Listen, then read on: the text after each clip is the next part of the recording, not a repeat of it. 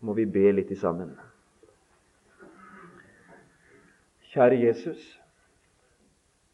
Vi har stille lyst til å be om at du som ser tvers igjennom oss, kjenner oss til bunns og elsker oss med evig kjærlighet, at du kommer oss i møte enda en gang gjennom det som nå skal sies. Takk for den atmosfære som rår i dette møtet. Takk for sangen om deg fra alle disse som har møtt deg. Takk for åpne sinn og for forventning til deg. Vil du nå kle mitt vitnesbyrd med den kraft som skal til? Fyll det med den varme det trenger. Og la det få den enkle overbevisningskraft som gjorde at et hjerte kunne åpne seg for deg. Amen. Vi har lest sammen om Jakobs Gud, og vi henter fram et lite trekk fra Jakobs liv. En av vel egentlig både de vonde og de gode eh, høydepunkt i livet. Det er både smerte og det er lykke i dette avsnittet. Første Mosebok 35, ifra vers 16. Og Så putter jeg på et vers ifra 5. Mosebok 33 etterpå, det tolvte verset. Første Mosebok 35 fra vers 16, og så Femte Mosebok 33, 12. Så brøt de opp fra Betel, og da det ennå var et stykke vei til Efrat, fødte Rakel. Hun hadde en hård fødsel. Under den hårde fødselen sa jordmoren til henne:" Frykt ikke, også denne gangen får du en sønn. Og det skjedde idet hennes sjel dro bort, for hun måtte dø. Da kalte hun ham Benoni. Det betyr 'min smertes sønn'. Men hans far kalte ham Benjamin, og det betyr 'min lykke' Lykkes sønn. Så døde Rakel, og hun ble begravet på veien til Efrat. Det er Betlehem. Og Jakob reiste en minnestein på hennes grav. Det er Rakels gravstein til denne dag. Og I 1990 så står steinen fremdeles på det stedet. Om Benjamin sa Herren, Herrens elskede er han. Trygt bor han hos ham. Hele dagen holder Herren sin hånd over ham. Benjamin hviler mellom Herrens skuldre. Det er enkelte dyrebare ting som jeg har igjen etter min egen far. Noe av det som betyr aller mest for meg, har jeg hatt med til Åkra denne uka. Det er den gamle nynorskbibelen til far. Det er alltid interessant og det er spennende å bla i andres bibler. Og særlig sånne som har stått deg nær i livet det forteller en del om deres opplevelser med Gud. Hvor de satte sine streker, hvor det ikke er kommentarer, og hvor det er veldig mye rødt. Jeg tar ofte den Bibelen fram og blar i den, og leser eh, nynorsken. 5. Mosebok 32, 12 har en skikkelig tjukk rød strek i fars bibel. Og den røde streken står under det første uttrykket, den første setningen. Og Nå skal jeg sitere eh, hva det står altså i fars gamle nynorskbibel. Og um Benjamin, sa han, står det. Og um Benjamin, sa han. Han er hjertebarnet åt Herren. Han er hjertebarnet åt Herren. Vi er vel ikke i tvil når vi leser Jakobs historie i Bibelen, at Benjamin betyr noe helt spesielt for Jakob. Når Josef var sendt og solgt til Egypt, og far trodde han var død, rev av et vilt dyr, så vernet Jakob om Benjamin, lykkesønnen, på en helt spesiell måte. Han var hjertebarnet til Jakob. Og når brødrene skulle dra til Egypt i hungerstider, så sender han ti. Men Benjamin får ikke lov å dra. Han er hjertebarnet til Jakob.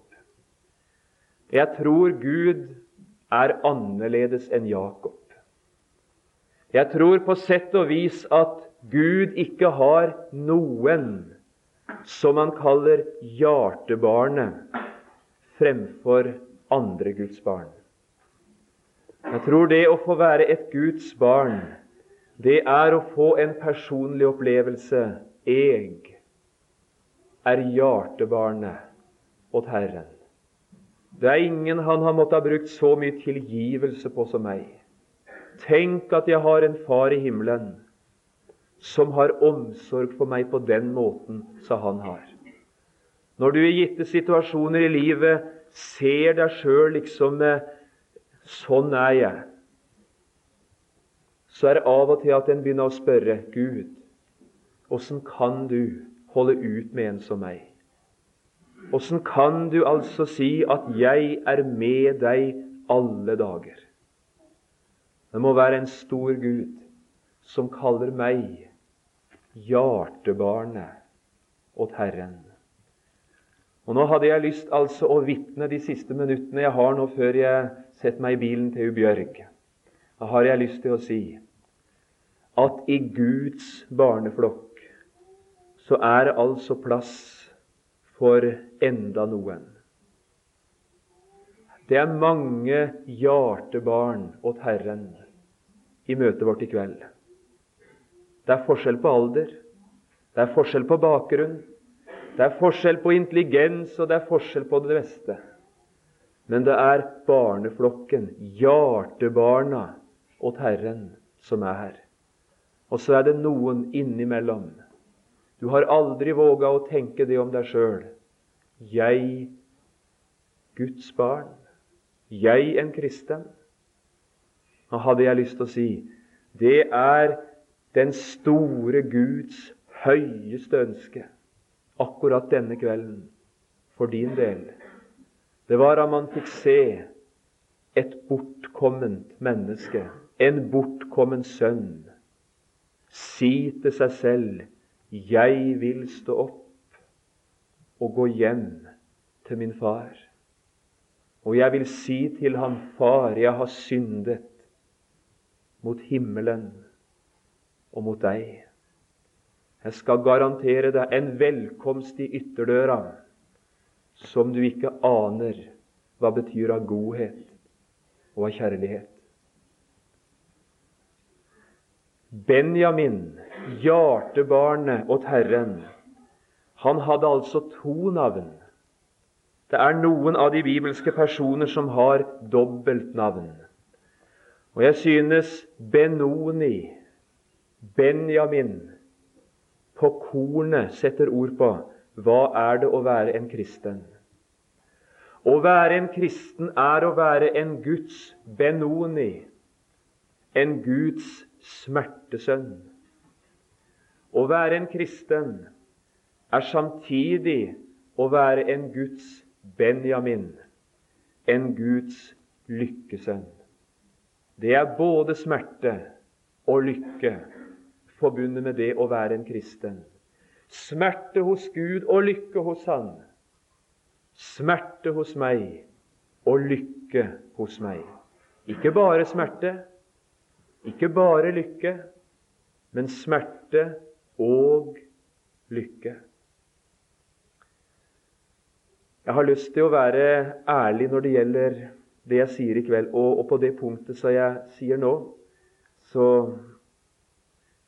Jeg har lyst til å si det sånn Det er to mennesker i denne verden så jeg har påført smerte på en annen måte enn andre mennesker, tror jeg.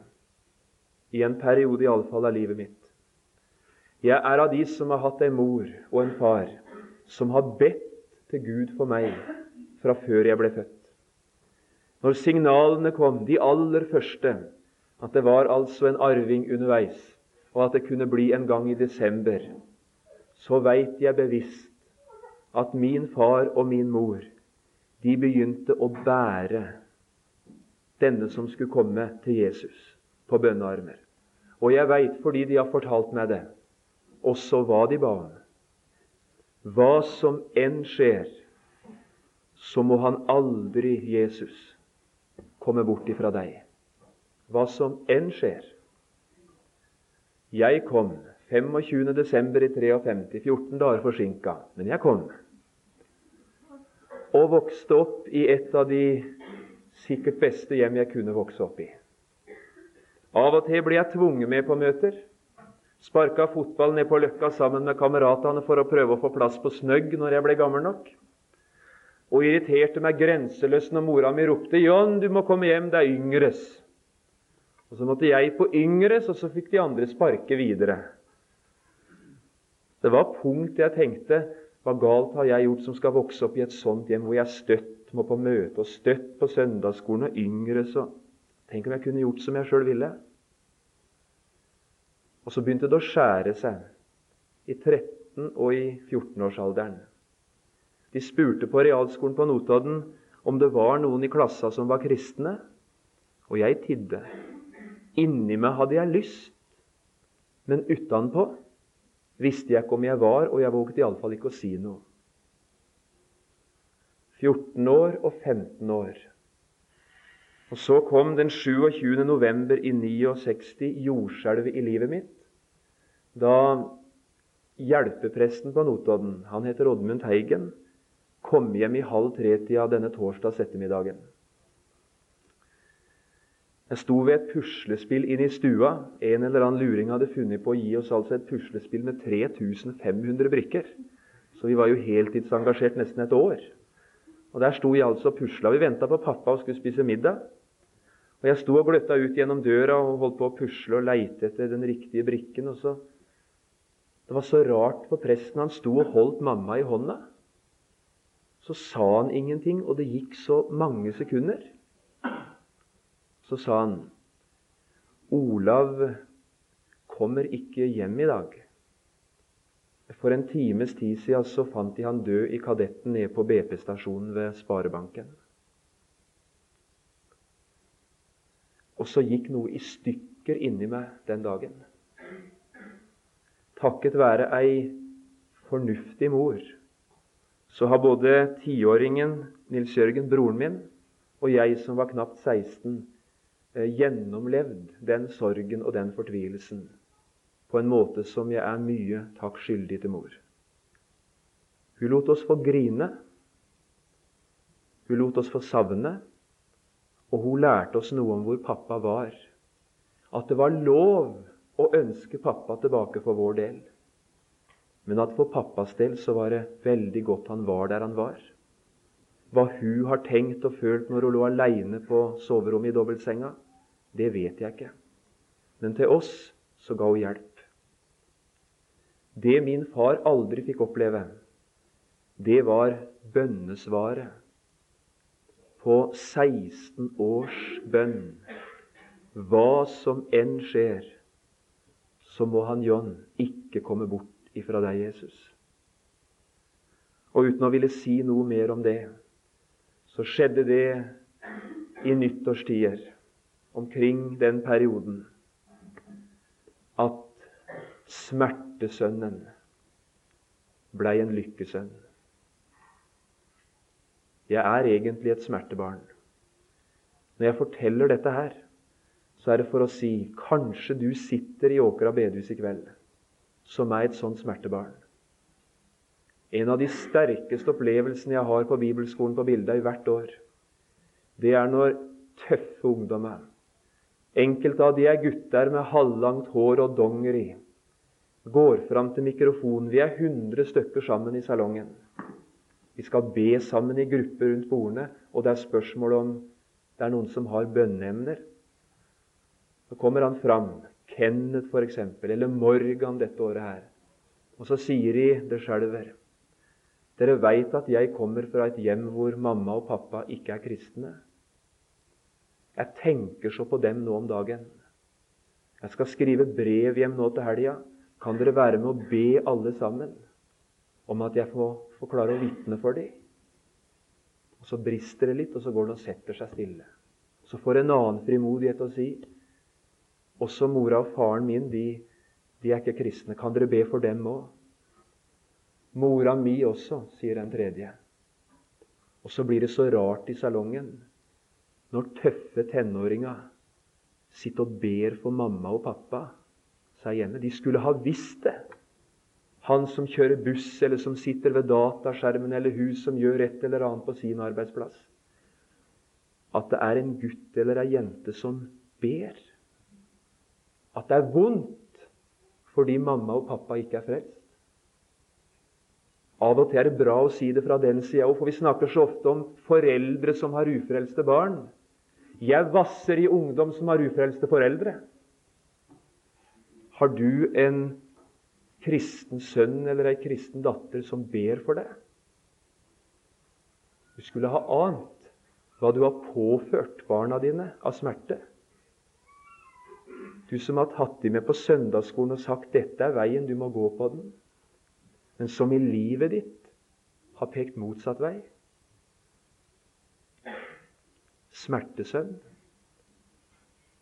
Tenk om et smertebarn kunne bli et lykkebarn i kveld.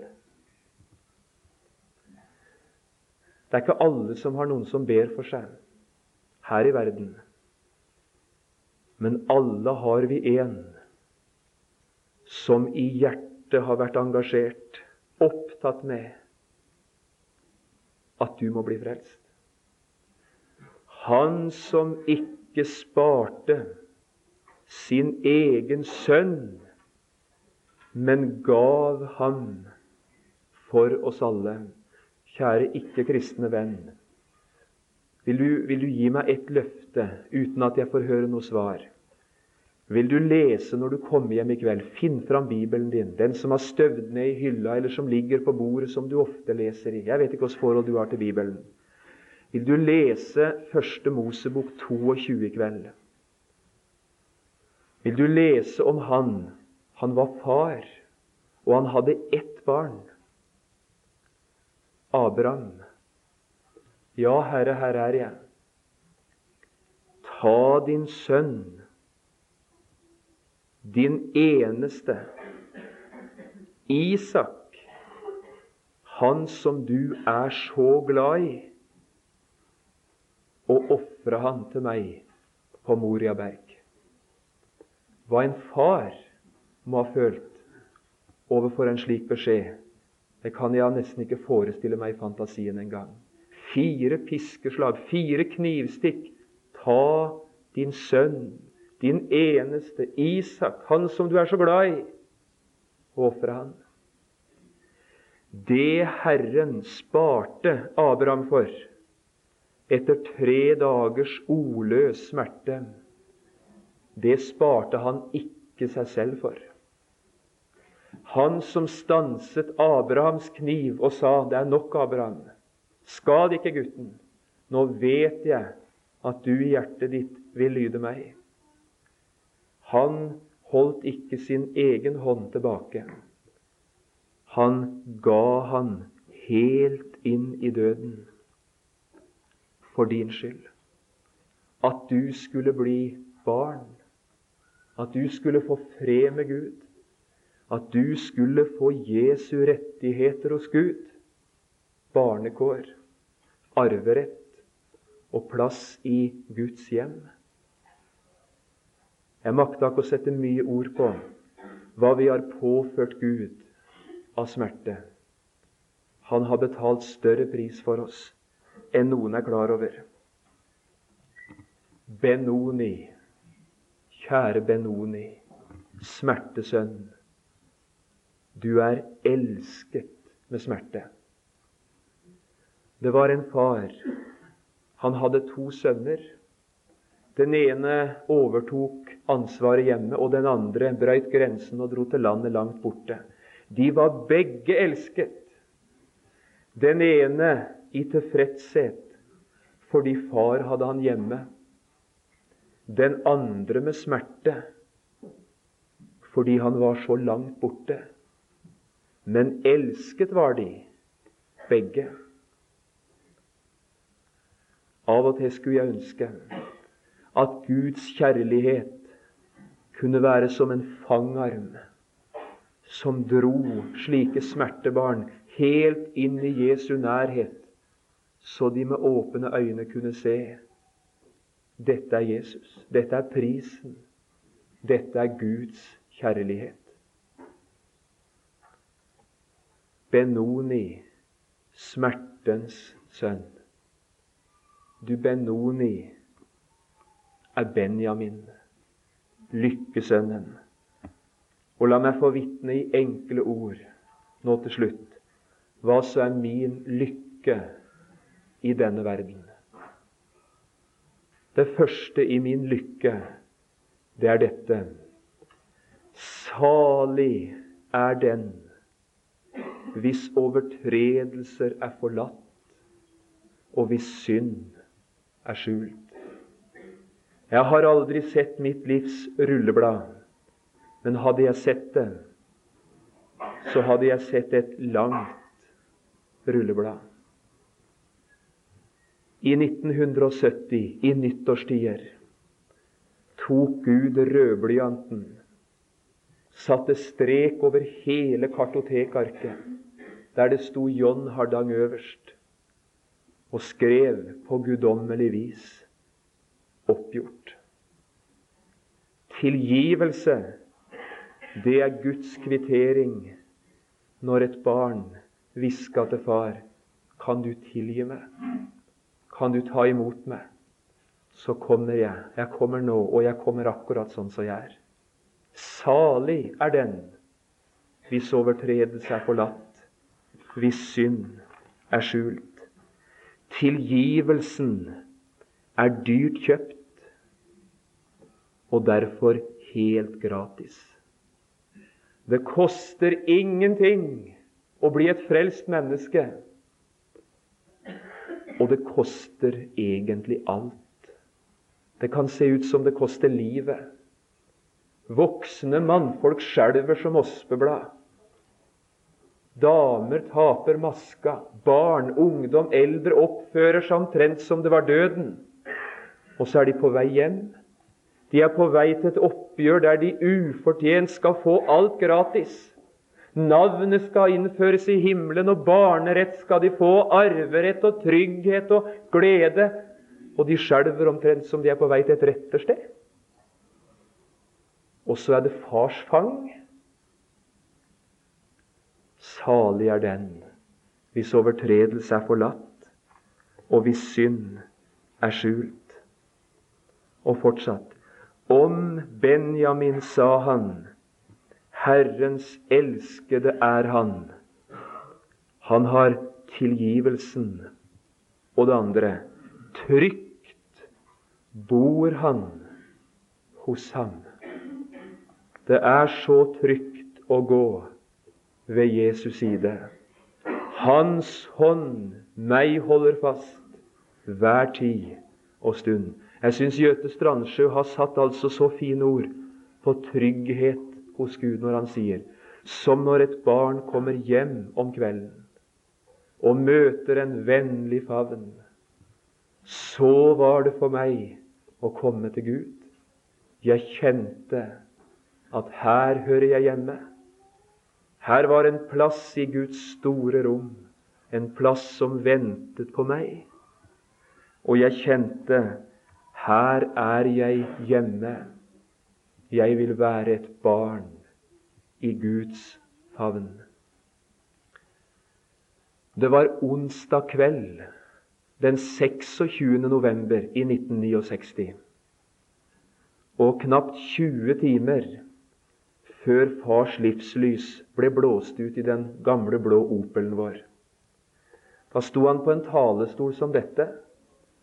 Det var i sakristiet i Gransherra kirke. De var sammen en 12-13 stykker til indremisjonsmøte. Og far talte for disse 12-13 granskjæringene under et døgn før han skulle reise, og ante det selvfølgelig ikke. Bibelteksten hans den kvelden, det siste vi hørte av han, det var dette. Jeg setter min lit til deg, Herre. Jeg sier, du er min Gud. Og så kommer det. I din hånd er mine tider. Og så var ikke tider igjen. Det var bare timer. I din hånd er mine tider. Jo visst var det tider. Fortida i ei naglemerka hånd. Framtida i en allmektig hånd. Og nåtida i en omsorgsfull faderhånd. Jeg veit meg ikke noe finere jeg kan sitte igjen med når jeg tenker på min egen far. I din hånd, Herre, er mine tider. Den Gud får ta hånd om, ser du, han er trygg. Han hviler trygt hos ham. Det er lykkens sønn. Det er Benjamin. Og så til slutt Han som har tilgivelsens fortid, som har tilgivelse for fortiden. Han som har trygghet i nåtiden. Han har en herlig framtid. Og om Benjamin sa han han hviler på hans skuldre. Det var en sauser, du, som ble funnet igjen. Den fikk ikke et spark i baken og sa 'Nå har du rota det godt til for deg'. 'Nå var det bra jeg fikk deg og fant deg', så nå får du se å komme deg hjem igjen, og så håper jeg vi møtes i Follen, vi to. Lykke til på reis. Hyrden tok den tapte opp, la det på sine skuldre med glede og bar helt, helt hjem. Vet du hva det står i Bibelen? Det står om Herren at han har herredømme på sin skulder. Det betyr at jorden, himmelen, universet, det synlige og det usynlige, det holdes oppe på hans skulder. Han bærer det alt. Og han som bærer hele universet, han skal nå klare å bære et land på sine skuldre Nå får det bære eller briste, sier noen. Da svarer jeg det brister ikke. Det bærer. Og det bærer helt hjem.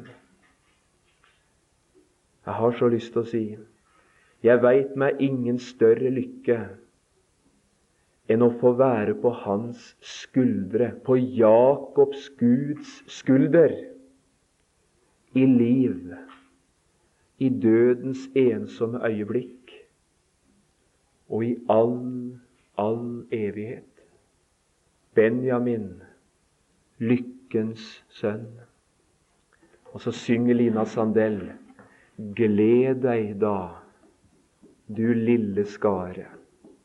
Jakobs Gud skal deg bevare. For Hans allmakts ord må alle fiender til jorden falle, også den siste fiende. Jakobs Gud skal deg bevare. Kjære tilhører. Benjamin, det er din livssituasjon. Om du som Benoni påkaller Herrens navn, du blir frelst. Kjære Jesus. Vil du ta hånd om dette enkle vitnesbyrd om Jakobs Gud? Takk, Herre Jesus, at du har elsket en Benoni like inn i døden. Og takk at du evner å gjøre en Benoni til en Guds Benjamin. Var det mulig, Jesus? kunne et nytt navn bli skrevet i himmelen denne kvelden. Amen.